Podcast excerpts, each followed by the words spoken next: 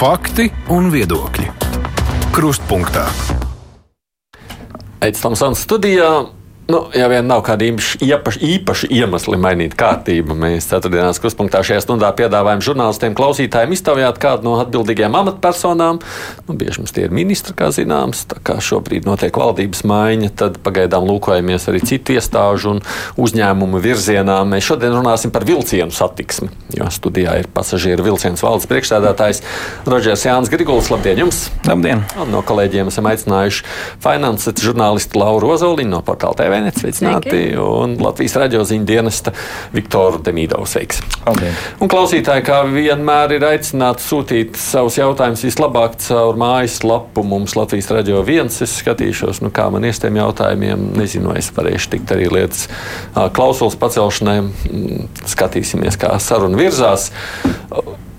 Vienīgais, arī es to politiku iesāku, Grigļkungs, cik ļoti tas darbs jums ir atkarīgs no tā, kas notiek satiksmes ministrijā vai ministra maiņa jūsu darbu ietekmē? Nu, skaidrs, ka ministrija kopumā ir tā uzraugošā instance, kas nu, mums ir principā akcionārs, un tie var noteikt to, tos lielos virzienus. Bet tajā brīdī, tad, kad mums ir apstiprināts kaut kādas vidēja termiņa stratēģijas, tad jau mēs saskaņojam gan ar ministriju, gan ar visām no nu, teikt interesētām pusēm, kāds ir tas mūsu ceļ, ceļa karte, kur mēs virzamies. Faktiski tā ceļa karte ir nosprausta, un tad mēs ar to ceļu ejam. Nu, ministra maiņa var palīdzēt kaut kādā veidā tos plānus ātrāk varbūt risināt, bet eh, tieši nu, mūsu uzņēmējdarbību, protams, neietekmē. Nu, ar kaut kādiem jaunām atklāsmēm sakot, tagad lūk, mēs brauksim ar vilcieniem šeit. Un nu, tur varbūt nē praktiski tie jau ir pragmatiski lēmumi. Mm. Un, ja mēs skatāmies kopumā tās Eiropas nostādnes, tad uh, ar vilcieniem būtu jābrauc nu, visās līnijās un maksimāli iespējami. Ja? Uh, ņemot vērā to, ka dzelzceļš ir tas mugurkauls, nu, tad to mugurkaulu ar vien vairāk un vairāk būtu jānostiprina. Nu, jā, bet pieņemsim to pašu liepāju, tur braukt vai nebraukt. Kas tad beigās to nosaka? Ministrs jūs? Nē, tur ir mums, mums ir pasūtītājs. Mēs faktiski esam izpildām to, ko mūsu pasūtītājs mm. pasaka. Mūsu pasūtītājs ir autotransporta direkcija. Šādas lēmumus mēs, protams, dodam savus izvērtējumus jo mēs tuvāk zinām, nu, cik mm. daudz mums pasažieru kustās un cik mums ir tās izmaksas. Aprēķins iedodam viņiem. Un tālāk jau tāda sabiedriskā transporta padoma pieņem lēmumu atvērt vai slēgt kādu no līnijām, un tā, tā jau nav tā politiskā. Tā tādā ziņā, kad ministrs tur braukā un visiem lepojas un stāst, nu, vismaz publiskajos tīklos tas tā bija redzams, nu, tad varētu domāt, ka viņš teica, jums jābrauc, un tad nu, jūs arī braucat. Nu, skaidrs, ka vienā momentā, kad mēs runājam par jebkuru līniju atvēršanu, ir jādomā par to, kur finansējumu, un tas jau tālāk gulstās uz ministrijas un ministrijas ministrus uh, pleciem, kur prasīt, ja nepieciešams būs papildus finansējums. Tas bija ministra tāds nu, prasījums. Es teiktu, ka daļa, daļa ieguldījumu ir gan ministram, nu, tāds kopīgs darbs, tas ir gan sabiedriskā transporta padome ir lēmusi. Mēs atzīstam, ka tas ir labs risinājums, ir panākts tomēr nu, pozitīvs rezultāts, jo līnija jau ir noslogota pietiekami labi. Un atsevišķās dienās mēs saņemam jau par nu, teikt, nu, vēl, vēlmi pielikt, lai vēl papildus vilciens, lai lielāks sastāvs pieliekam, jo vilcieni ir piepildīti. Mm. Tas ir pragmatiski darīts. Kolēģi. Ja jau par ministru maiņām nereti tam seko arī visāds izvēles izvērtēšanas padotības iestādēs, kam attiecīgi sako arī amatpersonu nomaiņa. Vai jums par savu amatu ir pārliecība? Es ne, man liekas, ka visiem ir jābūt pārliecībai par to, ko viņi dara. Nu, es, es daru ar labāko sirdsapziņu. Nu, man liekas, ka tur, ja, ja, ja kāds gribēs vērtēt, droši vien lai nāk un vērtē, bet mēs turpināsim neatkarīgi no tā, kāds būs ministrs, darīt to iesākto darbu un turpināt tos iesāktos labos darbus, ko mēs gribam un esam plānojuši. Cik jums ir garš tas nu, attālātais, jeb delģētais termiņš? Uh, pašreiz ir pagājis otrā termiņa, pirmais gads. Un cik garš otrais termiņš? Četri gadi. Vēl, vēl, vēl, vēl, gadi, vēl, vēl, vēl, ne, vēl četri gadi. Vēl četri gadi jums jā. ir tā kā atvēlēts. Labi, kolēģi. Jā, jā, mēs sākām runāt par pašiem vilcieniem. Tad, protams, liela, liela un sāpīga tēma ir paši tie jaunie elektrovilcieni. Kas, kā tad ir ar tiem?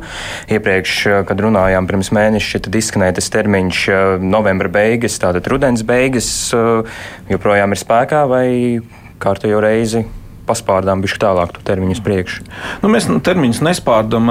Šeit ir pragmatiski lēmumi man liekas, ka tā situācija vairāk kārtīgi ir izklāstīta. Kas tad ir ietekmējis? Tas, protams, ka ir Covid un karš ietekmējis, un tas ir ietekmējis mūsu ražotāju. Ražotājs, protams, mēs saņemam jau tagad 17. vilcienu, tātad tie vilcieni jau šeit Latvijā, un, un faktiski viņiem tas, tā ražošana jau viena no ražošanas sastāvdaļām ir pārcelt uz Latviju. Ļoti daudz cilvēku šeit strādā katru nedēļu pa diviem kuriem sastāviem viņam būtu jāpiegādā, lai viņi iekļautos tajās termiņos, ka 23. gada laikā visi vilcieni, tie 23 ir piegādāti un varētu mums nodot.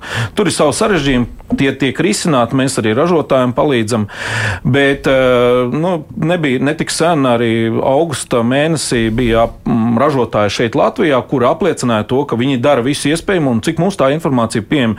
Es zinu, ka viņi nedēļas nogalēs, naktīs un vakaros strādā bez apstājas, lai tiešām šos termiņus noturētu.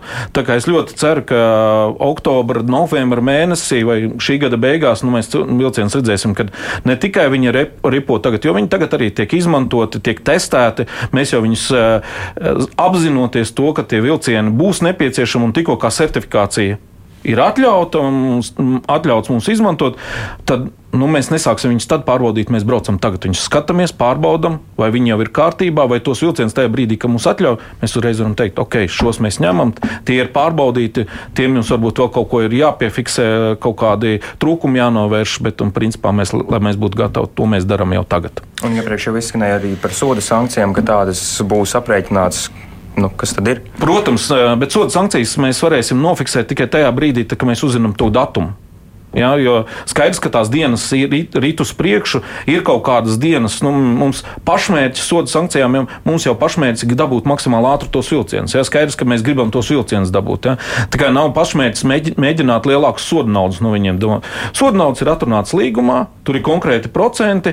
Ir, protams, būs kaut, kādi, kaut kādas dienas, kuras ražotājs spēs pamatot, ka tas ir tieši kara ietekmē, nu, tās par tām nav, nav jāprēķina soda naudas, bet no tām dienām, kurām ne, nebūs pamatojumi, mēs aprēķināsim stingru soda naudas. Mums ir atrunāta procedūra, tā ka tur nekādu šaubu nav, ka mēs to ieturēsim. Atgriežoties pie to vilcienu piegādes, sakat, ka 17 vilcieni ir Latvijā. Pirmie sastāv tikai jau pagājušā gada 24. jūnijā piegādāti. Kāpēc neviens vēl nav eksploatācijā nodots, certificēts? Nu, Tātad pirmām kārtām pagājušā gada Jāņos tika atvesti pirmie vagoni, un faktiski tas bija tāds tests, kurā Škoda paskatījās, jo sākotnēji bija plānots to, ka visus vilcienus saliks Viņi jau būs gatavi eksploatācijai, nu, faktiski braukt pa sliedēm, un tad caur Ukrajinu un Baltkrievijas teritoriju atvedīs līdz Latvijai. Nekāda darba šeit Latvijā, nu, varbūt pieregulēšanas darbi, un tad viņus varētu sākt testēt. Tad, kad pagājušā gadā atveda pirmos vagonus, tad faktiski Škoda vērtēja, kādā veidā tad varētu viņus šeit salikt. Cik daudz liels darbs, jo tajā brīdī, tad, kad vilcienus saliek rūpnīcā, viņam jau ir jumta aprīkojums, viņam ir, viņš ir praktiski jau aprīkots tad to visu aprīkojumu jānoņem nost, riteņpāri jāved atpakaļ atsevišķ, atsevišķās mašīnās, un tad vilciens atkal jāliek kopā. Pie pirmā vilciena tas iet ilgāk, jo neviens jau nezina, kā svešā vietā rūpnīca, kura nav viņu vietas, cilvēki tiek atvesti.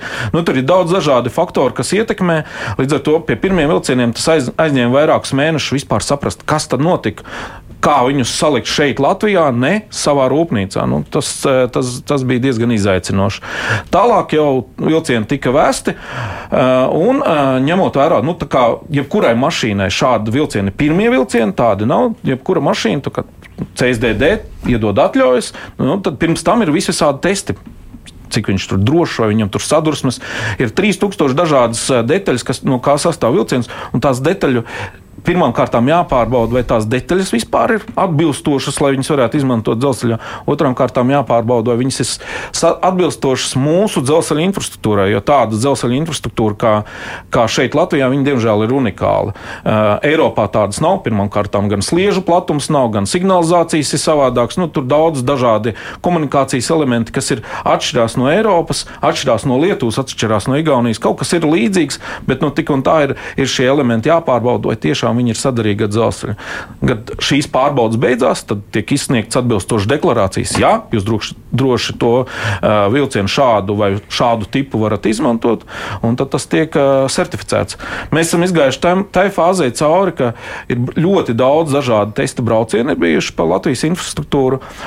Un, pra praktiski tie atbilstības certifikāti ir sagatavoti. Nu, tad ir pēdējā fāze jāgatavo atbilstības ziņojums, un kur tad iesniedz šajā European Railway Agency vai Eiropas vienotā aģentūrā, kur tad tālāk nodos mūsu valsts dzelzceļa tehniskajai inspekcijai, kur izskata dokumentus. Tad, kad viņi apskatās, jā, šie dokumenti ir atbilstoši. Jūs drīkstat lietot vilcienus un drīkstat braukt. Es pareizi saprotu, jums ir jāgaida, kad visi tie 23 būs, lai jūs to varētu darīt, vai jums tam pašam pirmajam jau to varētu nu, darīt? faktiski tur ir, tā, tur ir divas tās procedūras. Viena ir tā, ka uh, vispirms jānosertificē tips kā tāds. Nu, kad šādi, šādi vilcieni vispār ir atbilstoši infrastruktūrai, tikko tips ir nosertificēts, tad katrs no nākošiem vilcieniem vai ritekļiem, kā to sauc, uh, apliecinājums, ka viņš atbilst tam pirmajam. Un, tik, ja viņš atbilst tam pirmajam, nu, tad viņus arī atbilstoši drīkst. Un tā procedūra atbilstība tā neaizņem ilgu laiku. Tā tur var aizņemt no dienām līdz nedēļām. Un cik gala rezultātā vispār šis projekts izmaksās? Sākotnēji bija runa par tiem 258 miljoniem eiro. Es runāju par visu projektu. Cik maksās? Par vilcieniem jūs runājat. Jā. Jā. Nu, par vilcieniem runājot, tur 258 miljoni gluži korekti nav. Summa ir mazliet mazāka, jo tajos 258 miljonos bija iekļauta arī daļa no aprīkojuma, ko mēs plānojam depo būvēt. Ja? Tātad tur ir vilcieniem ir 240 pāri miljoni, kas bija plānoti. Ja? Tā summa arī ir saglabājusies. Ja? Pagaidām nekādas izmaiņas no ražotāja puses iesniegtas nav par to, ka būtu nepieciešams kaut kāds papildus finansējums finansējums. Līdz ar to eh, tās izmaksas mēs turam un stingri noturam tādā pašā līmenī, kāds tas bija sākotnēji. Protams, kad ražotājiem ir radušās nu, virkne dažādām izm papildus izmaksām, kuras nu, tad ir jāuzņemās viņiem pa papildus risku gan piegādes ceļš, kā jūs saprotat, pilnīgi savādāks ar autotransportu, eh, nogādāt visas šīs detaļas, gan arī atvērt jaunu ražošanu, elektroizmaksas, gāzes izmaksas, darbspēka izmaksas, nerunājot par to, ka eh, metāla un pārējās citas izmaksas ir pieaugušas būtiski. Tā viņi nesūdzās, ka viņi ir iekrituši ar šo projektu. Nu, es domāju, ka viņi sūdzēties jau nu, gausties, es teiktu tā, jebkurš var, jā, bet nu, ko tā gaušanās dod? Nu, mums ir līgums, un kur līguma ietvaros nu, tādas īsti izmaiņas nav paredzētas. Uh, protams, ja viņi nāks ar kaut kādiem iebildumiem, jau dokumentāliem, kur pamatot, nu, tad mēs varēsim vērtēt, cik tas ir pamatot vai ne, nav pamatot. Pašreiz šādi iebildumi pamatoti mums nav iesniegti. Bet, uh, skatoties, nu, kaut gadu vēlāk, Igaunijā bija vilcienu iepirkums par 50%. Uz vienu sēdvietu par 50% jau dārgāk vilcienu. Lietuvā šī gada pavasarī beidzās. Nu, tur arī tas līgums ir ļoti komplicēts. Tur ir gan vilcieni, gan apkopes. Bet nu, tā vidē rēķinot, tur eh, uz vienu sēdvietu tur ir mazāki bateriju vilcieni, ir bišķiņi lielāki elektrovilcieni, uh, bet tās izmaksas ir gandrīz līdz piec, pieckārtīgas. Ne nekā salīdzinot ar mūsu uh, vilcienu izmaksām. Līdz ar to es teiktu, tā, ka mēs paspējam tieši pirms Covid tādā labā vilcienā iekāpt ar tām izmaksām un ar tām izmaksām, kuras mēs esam nofiksējuši līgumā. Nu, to arī droši vien nodrošināja to, ka mums bija diezgan plaša konkurence. Kā, kā atceramies, konkursa laikā bija vairāki ražotāji, bija četri ražotāji, kas cīnījās savā starpā. Līdz ar to nu, tā konkurence paredzēja to, ka tās cenas bija ļoti, ļoti, ļoti labas priekš mums. Un es teiktu, jums tāda sāncensība ir arī ar Latvijas dzelzceļu. Pat paskaidrošu, ka Latvijas dzelzceļš realizē augstos peronus, mhm. modernizē uh -huh. peronus. Arī termiņš ir gada beigas. Jūs jaunos elektrovilcienus arī sakāt rudens beigas, tā kā uh mhm. -huh. nu, tuvāk gada beigām. Kurš tad būs pirmais? Es nezinu, vai tā ir gluži sacensība. Man liekas, ka tā, Pirmkārt, ne visās eh, vietās peroni būs, eh, nu, kā jūs saucat, augstie. Tie faktiski ir Eiropas standarta, uh, standarta peroni, nu, kas nodrošinās pasažieriem to, ka viņi vienā līmenī varēs iekāpt. Nu, tas, tā, tā ir ērtība, ko, ko sasniegs, bet nu, centrālā stacija, kā mēs zinām, vēl joprojām tiek dienvidu puse tiek atjaunot un remontēta, pārbūvēta, pareizāk sakot. Tad, tad pāriet uz ziemeļu pusi, nu, tad tur tikai centrālā stacijā mēs varēsim ar šo vienu līmeņu iekāpšanu. Turpretī arī tajā brīdī, tad, kad mēs, mums bija vilciena iepirkums, nu, tad mēs arī vērtējam, vai, vai, mēs, vai varēs iekāpt no perona jau bez pakāpiena arī šajās, šajos vilcienos. Faktiski tur sanāk tā, ka 30 līdz 40 centimetru nu, tā, tā atšķirība ir. Nu, kas nozīmē, ka viens pakāpiens, protams, ka tas nav tik ērti, kā gribētos, kad būs viena līmeņa iekāpšana. Bet nu, tas būs jebkurā gadījumā daudz ērtāk nekā tagad, kad ir jāpakāpjas vairāk pakāpieni, kur nu, ne tikai tikai, kā mēs bieži vien min piemērs jaunās māmiņas ar ratiņiem, bet nu, tur ir kaut kā tāpat iekāpt, un nu, nu, daudz ērtāk būs. Platākas durvis, ātrāk iekāpšana, ātrāk pas, pasažieru apmaiņa. Ja viens līmenis, tas nozīmē, ka ātrāk, pie ātrākas pasažieru apmaiņas vilciens var uzsākt atkal kustību, kas nozīmē īsāks laiks, kas netiek nepieciešams pavadīt uh, braucienā. Nu, tas tikšan, tiešām tiks ierēķināts, šeit arī, protams, varbūt arī tādās privātās sarunās ar mašīnistiem saka, jā, jā, mēs jau ātrums uzlabojam, it kā visur ceļos, bet beig beigās velkamies, tāpēc, ka nu, sarakstā mums ir rakstīts, ka mums tik lēni jābrauc. Nu, tā gluži nav. Es nezinu, par kuriem mašīnistiem jūs runājat. Mums citi mašīnisti atkal ļoti, saka, ļoti izaicinošs grafiks ir liepājas līnijā. Bieži vien notiek kaut kādi rekonstrukcijas darbi, un, un tie grafiki ik pa laikam tiek pārskatīti. Jauniem vilcieniem papildus elektrovilcieniem ir pātrinājums, nu, kas arī paliel, pa, pātrinās to, cik ātri sasniegs to norm, normu vai atļautu ātrumu. Nu, tas, es domāju, Tas nozīmē, ka līdz ar jaunajiem vilcieniem tā aizbraukšana no punkta A līdz punkta B arī sarakstā būs paredzēta ātrāka. Viennozīmīgi. Jā. Tie grafiki tiks pārskatīti atbilstoši tām spējām, kāda ir vilciena, jo mēs, uh, nu, mūsu klients ir pasažieris, nevis mūsu mašīnists. Un tie arī kursēs biežāk nekā tagad. Citreiz vajag gaidīt pēc stundas, ja ne divas. Jā, tāds plāns ir. Sākotnēji mēs plānojam to, ka plānots ir ieviest to tā saucamo intervālu grafiku, kad ir skaidrs zināma takts, pēc kura laika vilcieni brauc, tas ir vai nu 15, 20 minūtes. Tālākos posmos tā varētu būt pusstunda vai stunda, kur būtu jāgaida. Bet, nu, Tajos maršrutos, kas ir tuvāk Rīgai, zinām, ka katrs 15 minūtes vajadzētu būt vilcienam. At, nu, jā. atgriežoties pie miljoniem, vai šobrīd vēl ir cerība, ka kohēzijas fonda naudu jūs dabūsiet, vai tomēr vēl tiek cerēts, ka tiks posmota nauda un no nākamā perioda kaut ko dabūsiet, vai jau ir jādomā, kā jūs paši finansēsiet šo vilcienu iegādi? Nu, runājot par Eiropas Savienības fondu finansējumu, jāatcerās to, ka 2019. gadā, kad šie vilcieni tika pasūtīti, par struktūra fondiem nebija vispār nerunas. Ja? Mēs, principā, šie vilcieni tika, mēs izrēķinājām, ka ņemot vērā, ka valsts jebkurā gadījumā dotē, aizņemties naudu nav izdevīgi. Mēs sarēķinājām, ka visā periodā mums būtu jāsamaksā 50 miljoni vairāk kredītiestādēm. Līdz ar to, ņemot, ņemot to, ka valsts nauda ir lētāka, valstī jebkurā gadījumā būs jāmaksā būs valsts dotācijas. Okay, ar to mēs tikām galā. Tajā brīdī, tad, kad saprata, ka ir vairāki struktūra fondu projekti, nu, kuri nerealizējās, tad sāk skatīties alternatīvus ceļus, nu, kur tad varētu to naudu ieguldīt, kur ir augstas gatavības projekti. Uh, viens no tiem projektiem bijām mēs. Uh, tad jau mēs norādījām un identificējām riskus. Ok, uz visiem 32 vilcieniem jums ir nevis 23, bet 32 kopumā vilcieni paredzēti. Uz tiem nevajadzētu to fondu finansējumu. Viņš nebija pietiekami liels. Pietiek, ka 20 23 vilcieniem, uz kuriem mēs liekam. Tad sākotnēji likās, ka nu, tur riska būtu menedžējami vai vadāmi un nebūtu nekāda riska. Stājās karš, nāca jauni apstākļi, un skaidrs, ka tie riski palielinājās. Bet atbildot uz to jūsu jautājumu, manuprāt, ja Škoda izdarīs visu to, ko viņi sola, tad es teiktu, tā, ka mēs nu, lauvas tiesu no fondu finansējuma apgūsim visu šogad. Jo, protams, ka visiem maksājumiem, kas izdarīti līdz šī gada beigām, tie var tikt attiecināti uz fondiem. Arī tā skaitā avansa maksājumi, pa kuriem mēs veicam maksājumus jau nu, par Tad, kad mēs uzsākām projektu 30 pār miljonus, mēs samaksājām kopējā projekta. Mums līgums paredz to, ka tikko kā vilciens ir sarežģīts, nu, aprises ir gatavs, pat ja viņš nav certificēts, mēs viņu pārbaudām, ražošanas stadija ir pabeigta, mēs maksājam 40% avansu, kas vienlaicīgi gan pirmais, gan otrais avans tiek nodrošināts ar bankas garantijām. Tā kā, ja kaut kas projektā notiek ne tā, mēs varam mierīgi tā, to naudu dabūt atpakaļ.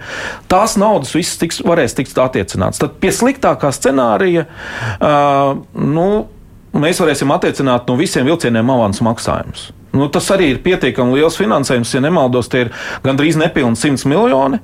Ja, 114 miljoni līdzfinansējums ir plānots no 160 miljoniem kopējā projekta izmaksām. Ja Škoda izpilda Un es ļoti ceru, un viņi tā apliecina un strādā, lai tas tiktu izdarīts. Ja vilcieni tiek nodoti pat ne visi, tad tikai par tiem vilcieniem, kuri netiks nodoti šajā gadā, nu, par tiem mēs to atlikušo daļu nevarēsim attiecināt no fondiem, un tie, tie būs jāpārfinansē uz jaunu finansēšanas periodu. Mm, okay.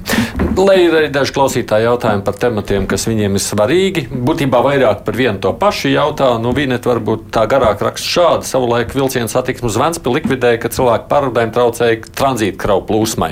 Bet nu, šobrīd taču kravu apgrozījums vairāk kā krities. Neizskatās, ka tas varētu tuvākos gados mainīties. Vai nav liederīgi atjaunot šos pārvadājumus, jo, kā zināms, taču vilcieni ir daudz ērtāki, dabai draudzīgāki.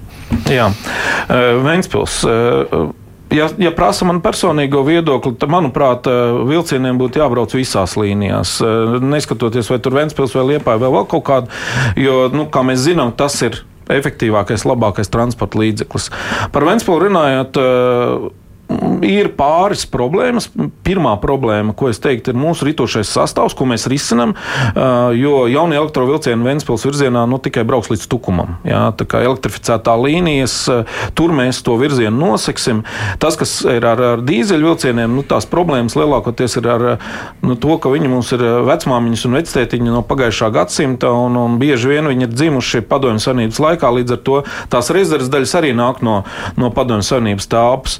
Un ar tām ir problēmas, ņemot vērā visu, protams, ģeopolitisko situāciju un karu. Tā kā tās problēmas mēs skatāmies, mēs skatāmies alternatīvas rezervdaļu piegādātājus gan Eiropā, gan varbūt ir kaut kur noliktavās kaut kas, un to mēs izpērkam, turam nu, kaut kādu tos risinājumus meklējam.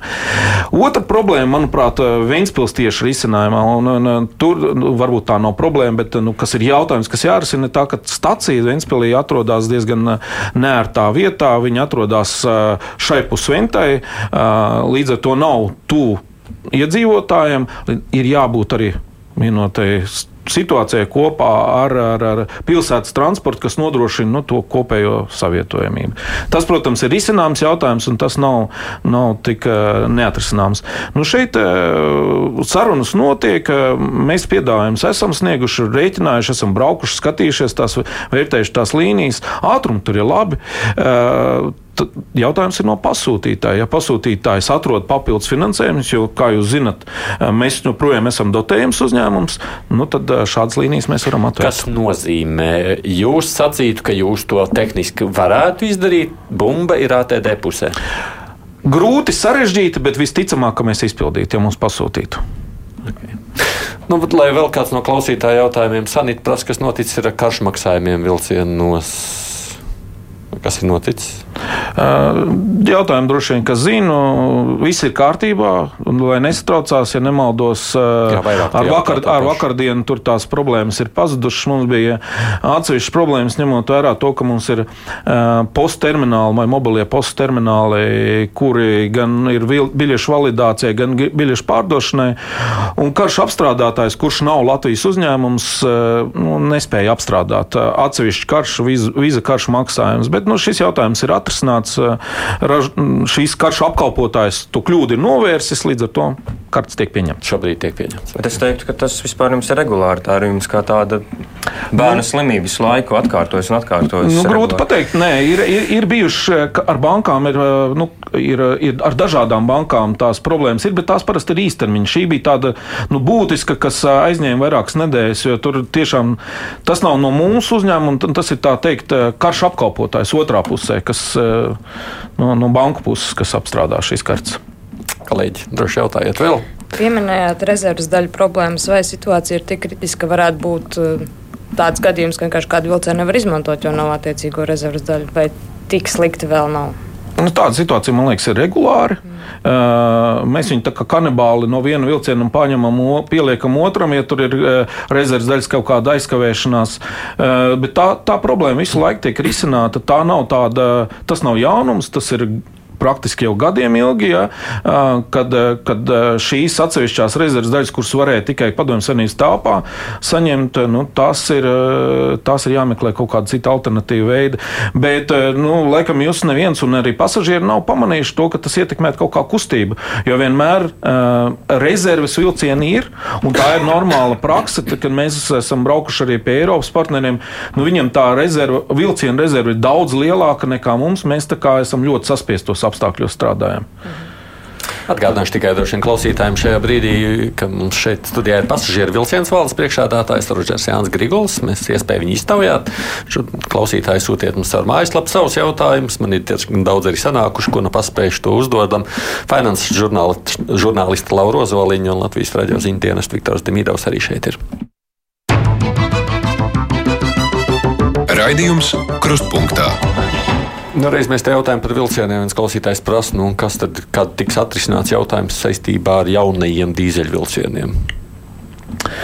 Ļoti interesants mums jautājums. Mums arī ļoti gribētos atbildēt skaidru zināt uz šo, bet uh, ministrs kabinets ir lēmis, ka šo dīzeļu vilcienu nomaiņu. Jā, iepriekšējie mēģinājumi bija to, ka nu, jau ne iepriekšējais, bet uh, vēl pirms tam ministrs uh, Tāls Linkaits bija ierosinājis to, ka mēs varētu pirkt jaunus dīzeļvilcienus. Uh, ņemot vērā Eiropu, mēs pat izsludinājām konkursu, bija pirmā aptaujas kārta jau bija beigusies un bija zinām jau, kas varētu būt tie potenciālie piegādātāji un gaidījām otro kārtu, lai dotu atļauju, ka mums būtu finansējums. Uh, tajā brīdī bija skaidrs, ka Eiropa kā tāda zaļais kurs neatbalsta dīzeļvilcienu nomaiņu, un šis iepirkums tika apturēts. Un, un tālāk jau tika skatīts citas alternatīvas, alternatīvas vai nu ūdeņradas, vai nu bateriju vilciens.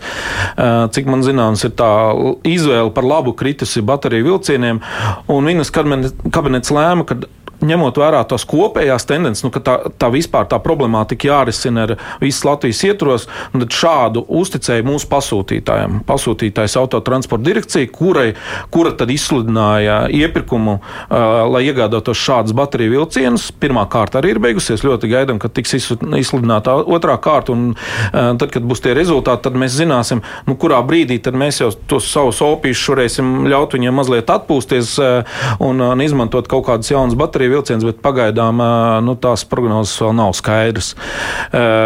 Sākotnējais prognozes bija 28. gads, pēc tam parādījās ziņas, ka tur esot problēmas. Jā, nu par problēmām droši vien jāprasa ir tam, kas ar šo iepirkumu nodarbojās, mēs ļoti ceram uz to, ka tie vilcieni ar ātrāk un ātrāk nonākt pie mums jau tā teikt, lietošanā. Tad 28. vairāk nav tas termiņš? Es, ne, es nemācīšu atbildēt, kāda tur ir stratēģija, jo skaidrs, ka runājot, nu, ja paskatieties uz mūsu iepirkumu, nu, es stājos amatā 2017. gada oktobrī, nu, tagad jau būs pagājuši seši gadi. Iepirkums pirms manis jau tika uzsākts, ja nemaldos, 15. gadā, nu, tas cikls ir ļoti garš. Skaidrs, ka ir kaut kādiem mm, ražotājiem kaut kāda kādas zināmas jau. Nu, iestrādes, lai varētu ātrāk nosertificēt, ātrāk saražot, jo tipi kaut kādi būs.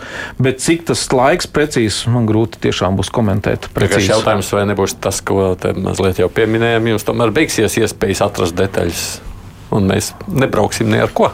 Ziniet, man jau tagad eh, es abrīnoju savus eh, rītošā sastāvā eh, servisa darbinieks, tie, kas strādā depo, viņi man liekas, tur brīnumu dara. Jo, ko, viņi, ko viņi izdara un kā viņi izdara to, lai tie vilcieni ripotu, nu, man liekas, ka viņiem visi vis ir mm, pelnījuši, lai viņiem medaļas tiktu piešķirtas. Jā, bet mēs nevaram uz to paļauties, ka jums tie brīnumi dara kļūst ar vien lielāku brīnumu daru. Nu, diemžēl ir tāda situācija ir visu laiku, un tā mēs arī dzīvojam. Un, nu, kamēr nebūs jauna vilciena, tikmēr Mums tiem brīnumdariem būs jādara tie brīnumi. Cikot, tā iespēja, ka mēs paliekam bez brauciena, tāda pastāv. Es gribētu teikt, ka nē, es paļaujos uz savu komandu, bet, protams, kad, eh, ja runājam par varbūtībās, nu, tad kaut kur jau tā mazā varbūtība jau ir. Nu, ja vēl tomēr esam pie dīzeļu vilcieniem un bateriju vilcieniem, tad jau, kad bateriju vilciens aizvilks līdz Zulupai un atpakaļ beigās. Nu, tur ir eh, konkrēti, protams, kad var norādīt, cik kilometrus bateriju vilcienam ir jābrauc. Bateriju tehnoloģijas vispār kā kopumā mēs zinām, mašīnām attīstās līdz ar to nu, tas uh, grūti pateikt un prognozēt, kas vēl būs pēc gada, ja, ja mēs pat uh, tagad skatāmies, cik ātri tā attīstība notiekās. Bet, manuprāt, kad nu, roku rokā tam būtu jāiet ar kaut kādu papildus elektrifikāciju, tādu lēmumu pieņēmuši Lietuva. Nu, kā mēs redzam, Lietuva gan elektrificē, gan pērk bateriju vilcienus, gan pērk elektrovilcienus. Ar domu tādu, ka to mazo attālumu, kur varbūt tā plūsma nav tik liela un kur var palaist to bateriju vilcienu, ļauj bateriju, bet viņš tikko aizbrauc atpakaļ zem elektrolīnijām, nu, tur viņš sāk lādēties. No, nu, mums naudas nav visam. Nekad. Nu, tā man liekas problēma visiem un vienmēr par šo bateriju iepirkumu runājot, rezultātā, kas būs īpašnieks šiem vilcieniem, ja to sludina direkcija? Uh, viennozīmīgi tā būs autotransporta direkcija, un arī mūsu elektrovilcienu gadījumā ir atrunāts to, ka, ja uh, mūsu līgums, piemēram, tiek pārtraukts vai netiek pagarināts, tad uh, arī elektrovilcieni pāriet valsts īpašumā, jo tie ir iegādāti pa valsts naudu. Mhm. Rēmons prasa, varbūt pasažieru vilciens varētu izmantot pasažieru pārdājumos plats karta vagonus. Nu, es negribētu pie, pie, šīs tēmas. Man liekas, jāiet uz attīstību, nevis uz atpakaļ. nu, jā, bet ja gadījumā situācija krīze iestājas, tu, tur ir dažādas Eiropas Savienības normas, kas mums faktiski ierobežo kaut kādas tādas jauninājumas ir gan, in, ja, ja mēs gribētu izmantot vilcienus, kuri neatbilst ne invalīdu iekāpšanai, nu, kas mums paši, pašreiz. Mums tāpat neatbilst. Ja. Nu, jaunie elektrovilcieni plānots, ka atbilst. Nu, jā, jā, bet nu, dīzels nu, jāapstājas. Nu, tieši tā, bet jauns, jauns dīzeļvilciens, kuri neatbilst šādām, mums faktiski neatļauj laist tirgu. Nē, es no tāda viedokļa saprotu jautājums, ja mēs sakām, ka mums kādā brīdī brīnum dar nespēj izdarīt brīnumus, vai mēs nozīmē, mēs nebraucam ne ar ko, vai varbūt laižam, lai vismaz lokomotīvu kaut ko pavelk. Nu, tādu vagonu, manuprāt, pat Latvijā. Es nezinu, kur viņi varētu būt. Tie vagoni, tie, kas bija, kas piederēja Elekspresim un, un, un, un ar kuriem brauc uz Maskavu un uz Sanktpēterburgu, tie, cik man ir pieejama informācija, viņi ir pārdoti. Līdz ar to es ļoti apšaubu, ka mums tāds rītošais sastāvparks vispār Latvijā ir atrodams. Jautājums ir par regulāro satiksmi starp Rīgu un Liepāju, ko atjaunoja pirms pusotra mēneša. Kādi ir tie secinājumi un vai tas vēl būs ilgu termiņu, vai ir kaut kāds ierobežojums, ka ne, mēs vairāk nu, neorganizēs, neorganizēsim tos pārdājumus tik bieži kā tagad, kā, kā ir tagad.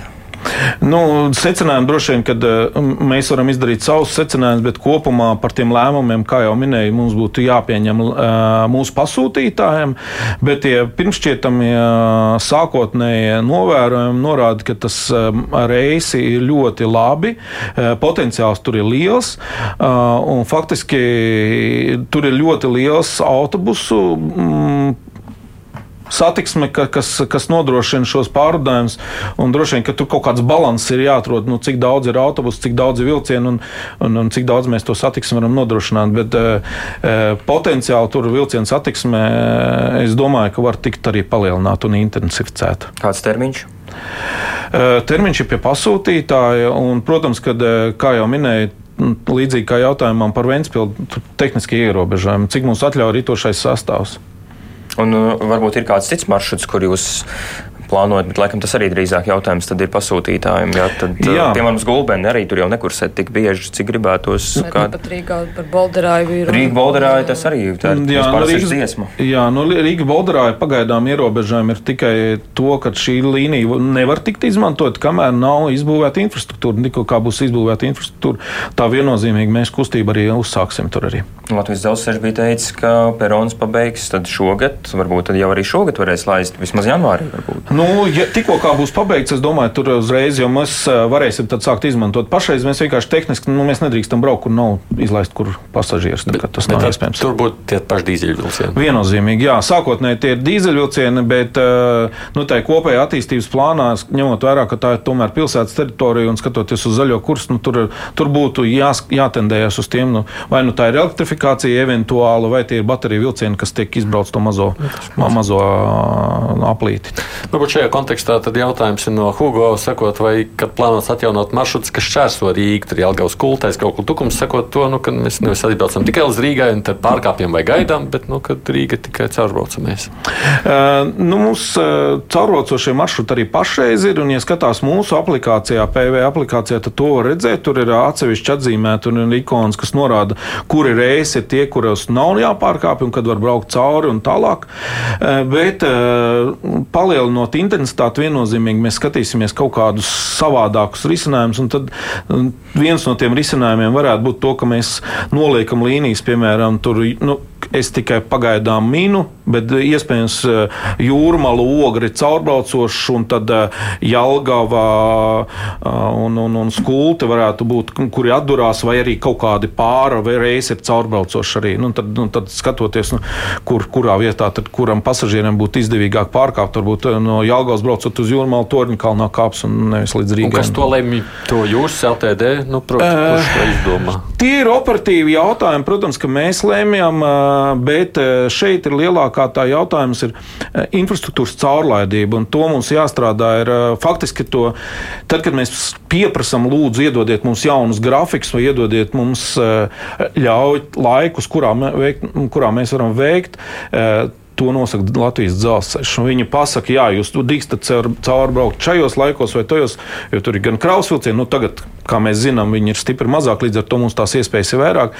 Bet tas lielākais ierobežošais faktors ir faktiski tie celtniecības darbi. Pirmkārt, centrālā stacija, otrām kārtām, nu, tagad Jālgaus līnijā tiek atjaunots elektrotīkls, nu, tā tad tur dīzeļi brauc, ja, un līdzīgi darbi tiks veikti nākošā gadā, kad ātrumi tiek plānot palielināt aizkrauklas līnijā un citās līnijās. Nu, tie, tie ir tie, kas mums ierobežo palielināt vai samazināt, pie, piespiež samazināt to intensitāti. Par tālākiem maršrutiem runājot, kādā stadijā šobrīd ir tā sarunas ar Lietuvu par uh, satiksmes veidošanu caur Daugopils šauļu iespējams viļņu? Papildināšu arī par Tartu bija pagājušajā gadā runa, ka iespējams varētu tāda būt. Uh, jā.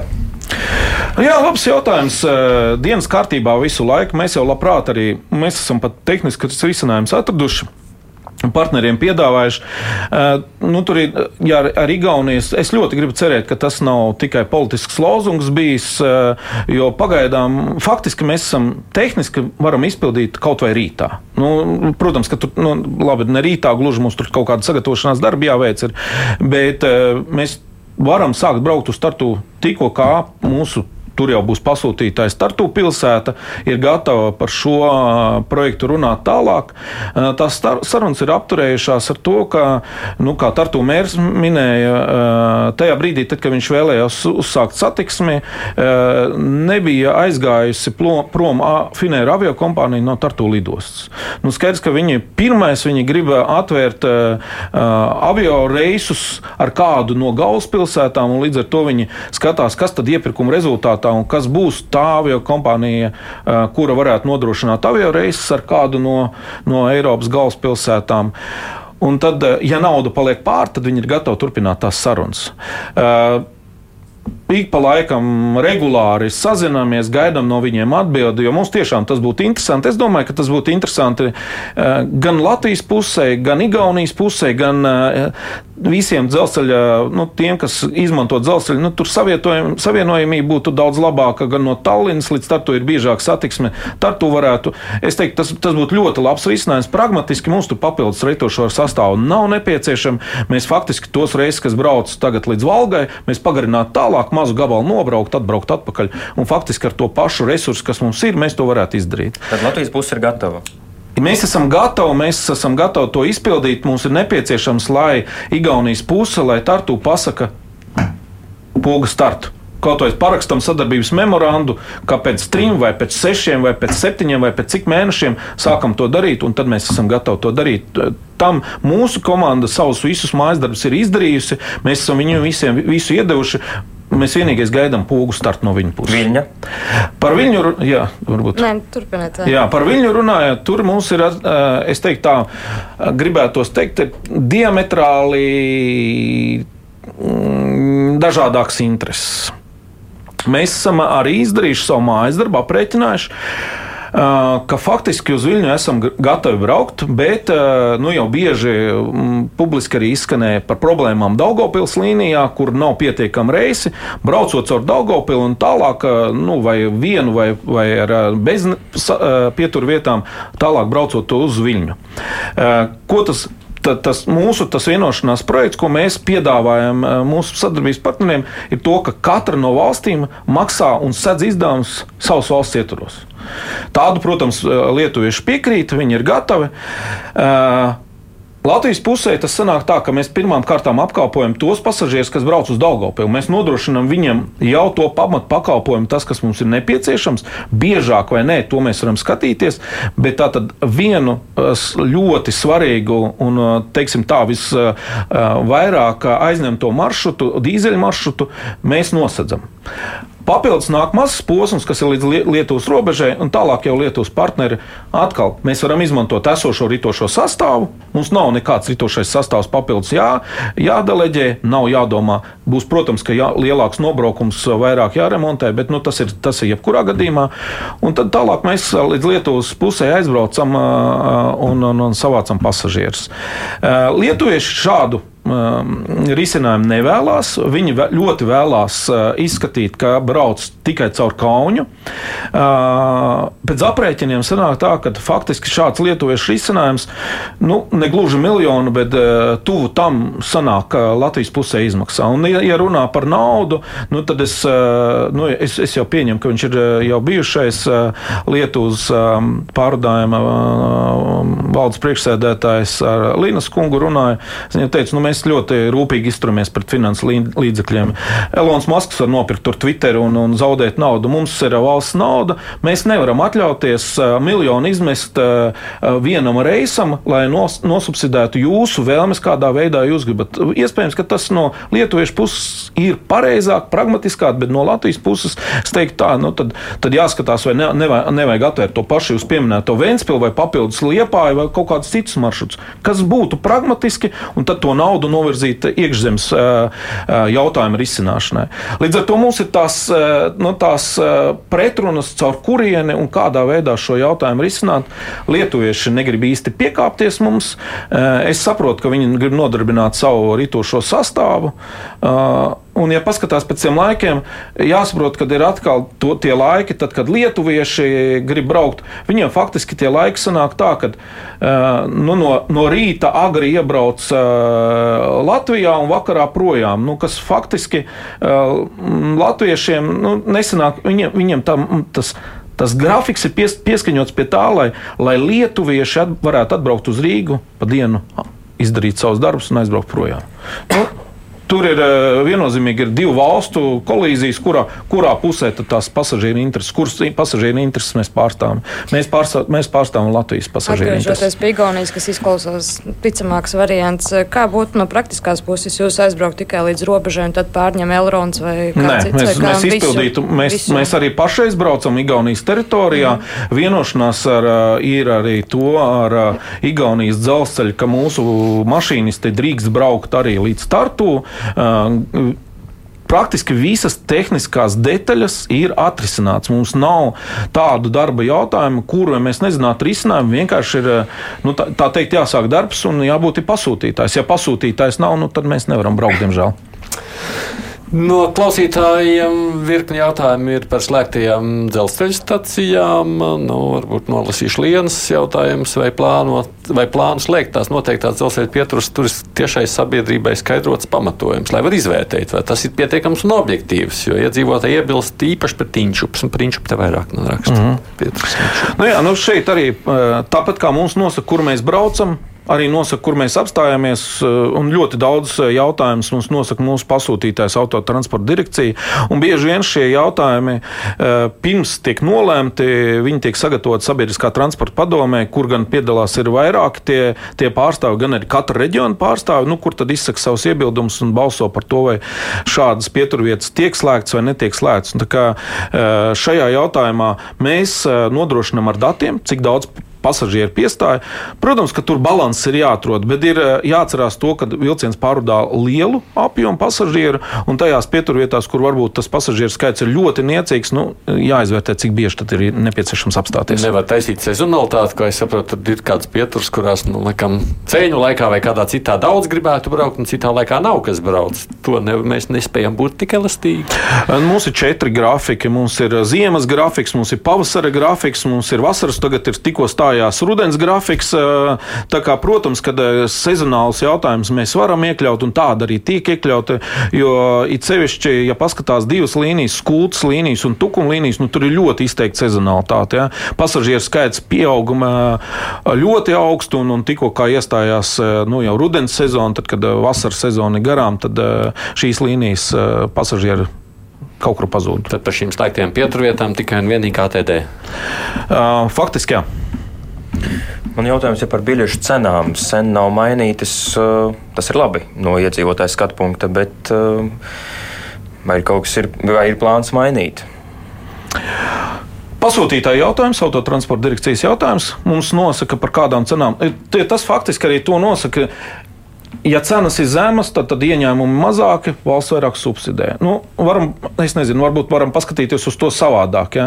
E, tajā brīdī, tad, kad ja cenas pieaugs tik lielas, e, ka viņas seks visas izmaksas, tad kas sanāk maksā par sabiedrisko transporta sistēmu? Tie pasažieri, kas brauc. Šobrīd Par to maksā arī tie, kas ar automašīnām brauc. Praktiski visi, visi valsts iedzīvotāji maksā par to, lai uzturētu šo sabiedrisko transporta sistēmu. Balanss kaut kāds ir jāatrod. Skaidrs, ka mūsu izmaksas, eh, mēs visi zinām, elektrības rēķinu, degvielas izmaksas. Nu, tur, Nav nekāds noslēpums, ka tas arī mūs būtiski ļoti izmaksas ietekmē. Skaidrs, ka tās izmaksas ir pieaugušas, darba augsts un viss pārējais.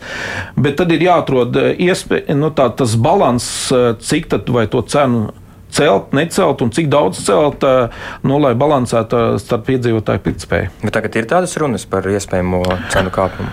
Uh, diskusijas ir notikušas, bet uh, par precīziem lēmumiem lēmumu pagaidām nekādu pieņemti nav. Līdz ar to mēs gaidām, ja būs kaut kāda lēmuma, nu, tad mēs arī par to varēsim komunicēt. Vai un kā vispār šī sistēma mainīsies 25. gadā, kad tirgus atvērsies, un kā jūs vispār tam gatavojaties? Um, nu es nezinu, par kādu 25. gada atvēršanu man grūti pateikt, jā, bet uh, tā, tā, mums ir pasūtījuma līgums. Ja jūs par pasūtījumu līgumu runājat, jā, uh, par pasūtījumu līgumu runājat tā, ka uh, nu, tirgus nav viennozīmīgi atvērsies. Uh, uh, Igaunijā tika pagarināts līgums uz desmit gadiem, tiešais piešķīrums. Līdzīga situācija Lietuvā. Līgums tika pagarināts desmit, uz desmit gadiem arī šī gada pavasarī. Uzreiz pēc tam, zino, apzinoties savu nākotni, Lietuvas dzelzceļš paziņoja par saviem iegādes plāniem, kur pērk un kādas ritošos sastāvus. Labi vai slikti, to grūti pateikt. Vienīgais tas, ka man liekas, ka Tie piemēri ir dažādi.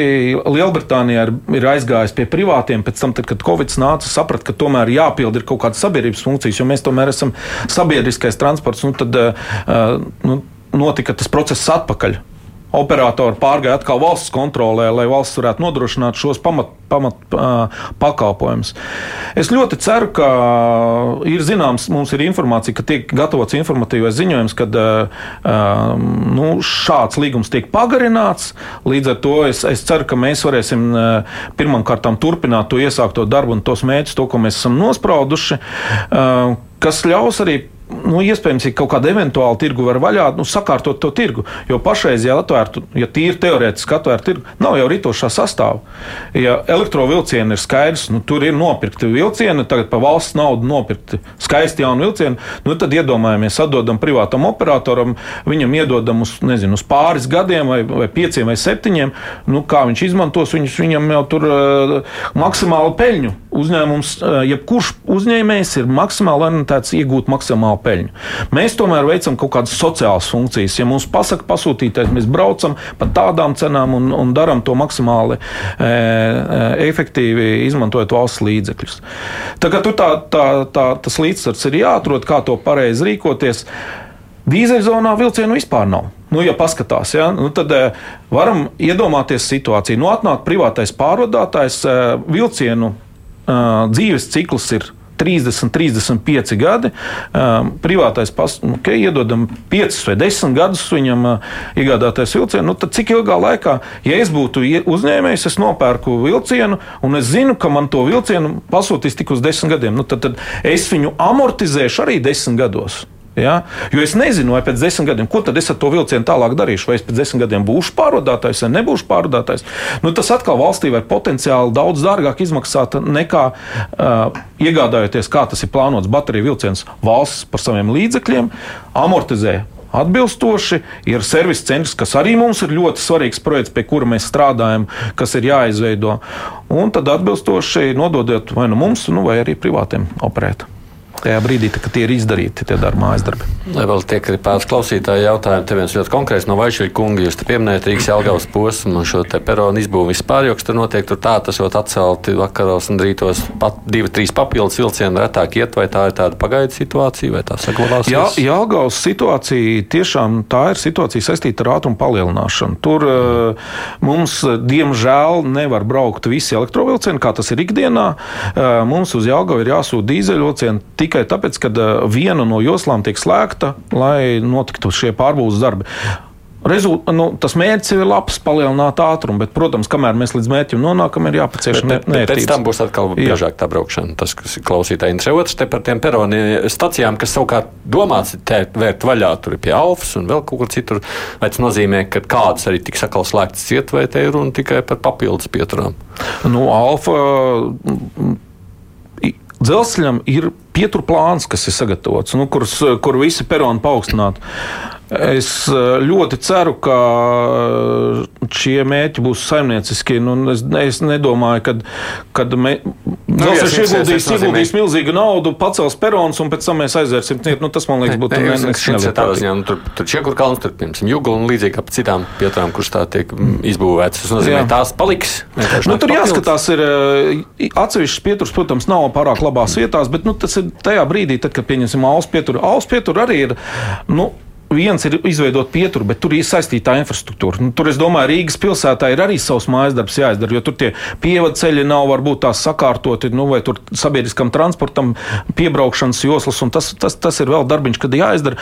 Tajā brīdī, kad tie mājas darbi ir izdarīti, tad var sākt vērtēt, nu, cik tad ir tā tā, tās pasažieru kaut kādas nu, paradumi, kā viņi mainās, un vai tiešām to alfa tik daudz izmanto. Varbūt no kādām citām pieturvietām, nu, juglā pieņemsim, nekāp vairāk tik daudz ārā. Nu, tas ir tad, jāskatās pieturviešu jautājums. Jā, jā tieši tā. Viktor, Pavasarī parādījās informācija, ka jūsu uzņēmums par aptuveni 2,5 miljoniem eiro plāno iegādāties biļešu tirdzniecības automātus. Jā.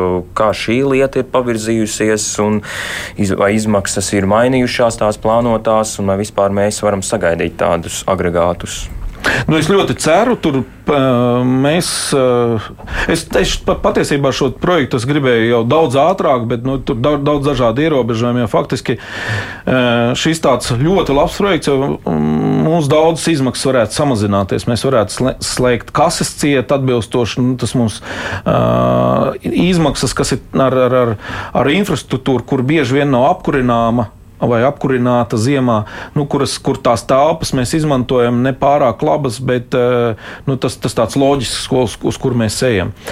Tad tie 2,5 miljoni, es teiktu, tie tādi aprē, aptuveni aprēķini, tie nebija kaut kādi precīzi rēķināti, bet nu, tā summa bija jāaprēķina. Uh, un, un, un, un, uh, Mēs piedalījāmies ļoti daudzās starptautiskās izstādēs, lai maksimāli atrastu starptautiskus partnerus nopietnus, kas varētu piedalīties. Nu, tas vainagojas ar rezultātiem, to, ka pretendentu mums ir ļoti daudz. Ja sākotnēji mēs baidījāmies, nu, ka būs tikai Latvijas kaut kāda uzņēmuma, kur tur, nu, nezinu, nedod Dievs vēl vienosies, esam dzirdējuši tur dzels, ceļa karteļus un vēl visas tādas. Es negribētu šādu situāciju mūsu uzņēmumā. Līdz ar to tā tā lielā konkurence dod cerību, ka tā cena būs zemāka. Un, un, un, un tas, tā konkurence, nu, protams, tas nes ar kaut kādu laiku, jo katrā, katram no tiem uzņēmumiem, it sevišķi ārzemniekiem, bieži vien ir, ir, ir grūti saprast tās mūsu likumdošanas, visas tādas mazās nianses, ko mums teikt, paģēra likumdošana, kas ir jāprasa no, jāprasa no šī pretendenta. Līdz ar to tiek prasīti visi tie dokumenti, lai viņi atbilstoši, lai viņi pierāda to, ka viņi var piedalīties. Tikko tas, tā proces, procedūra noslēdzās, tad mēs varam iegūt no viņiem kaut kādas piedāvājumus. Kā tas varētu būt? Es ceru, ka tuvākajos mēnešos uh, tiks Tuvākajos. pabeigta pirmā, pirmā kārta, un tad mēs gaidīsim arī finansiālos piedāvājumus. Bet tas būs katrā stacijā vai kā tas vispār ir? Mums ir, mums ir plāns. Uh, daudzos līmeņos ir stācijas, kurās mēs plānojam likt eh, šos biļešu tirdzniecības aparātus, kuriem principā arī vajadzētu stā, nu, kā, kalpot kā informācijas nesējiem. Jo, nu, kam, kamēr nepēc tur ir ekrāns, uz ekrāna tu vari redzēt, kavējās vai nekavējās. Nu, daudz ko informāciju, ko mēs varam padot, ko stācijās iespējams šobrīd nevar padot. Un tad ir stācijas, kuras mēs vēlamies tomēr saglabāt kastē, tā kā vairāk tā kā informācijas centri, nu, kur jānāk, nu, kaut kādu informāciju iegūt, apmainīt biļetes, sadot mēnešu biļetes. Vēl ir tā pateikt līdz galam. Nē, mums, precīzi, ir, mums ir plāns, nu, kurā vietā, mm. ko Kur mēs liksim būs? un, un kas būs. Par Bet precīzāku informāciju mēs varam, protams, Jā, sniegt. Roģers Jānis Grigols vada pasažieru vilcienu, šeit bija Viktors Demidovs no ziņu dienesta un Laura Ozoliņa no TV un Finance Net. Bet mēs līdz to šodien beidzam. Procentu Loreta Bērziņa studijā Aits Tomsons.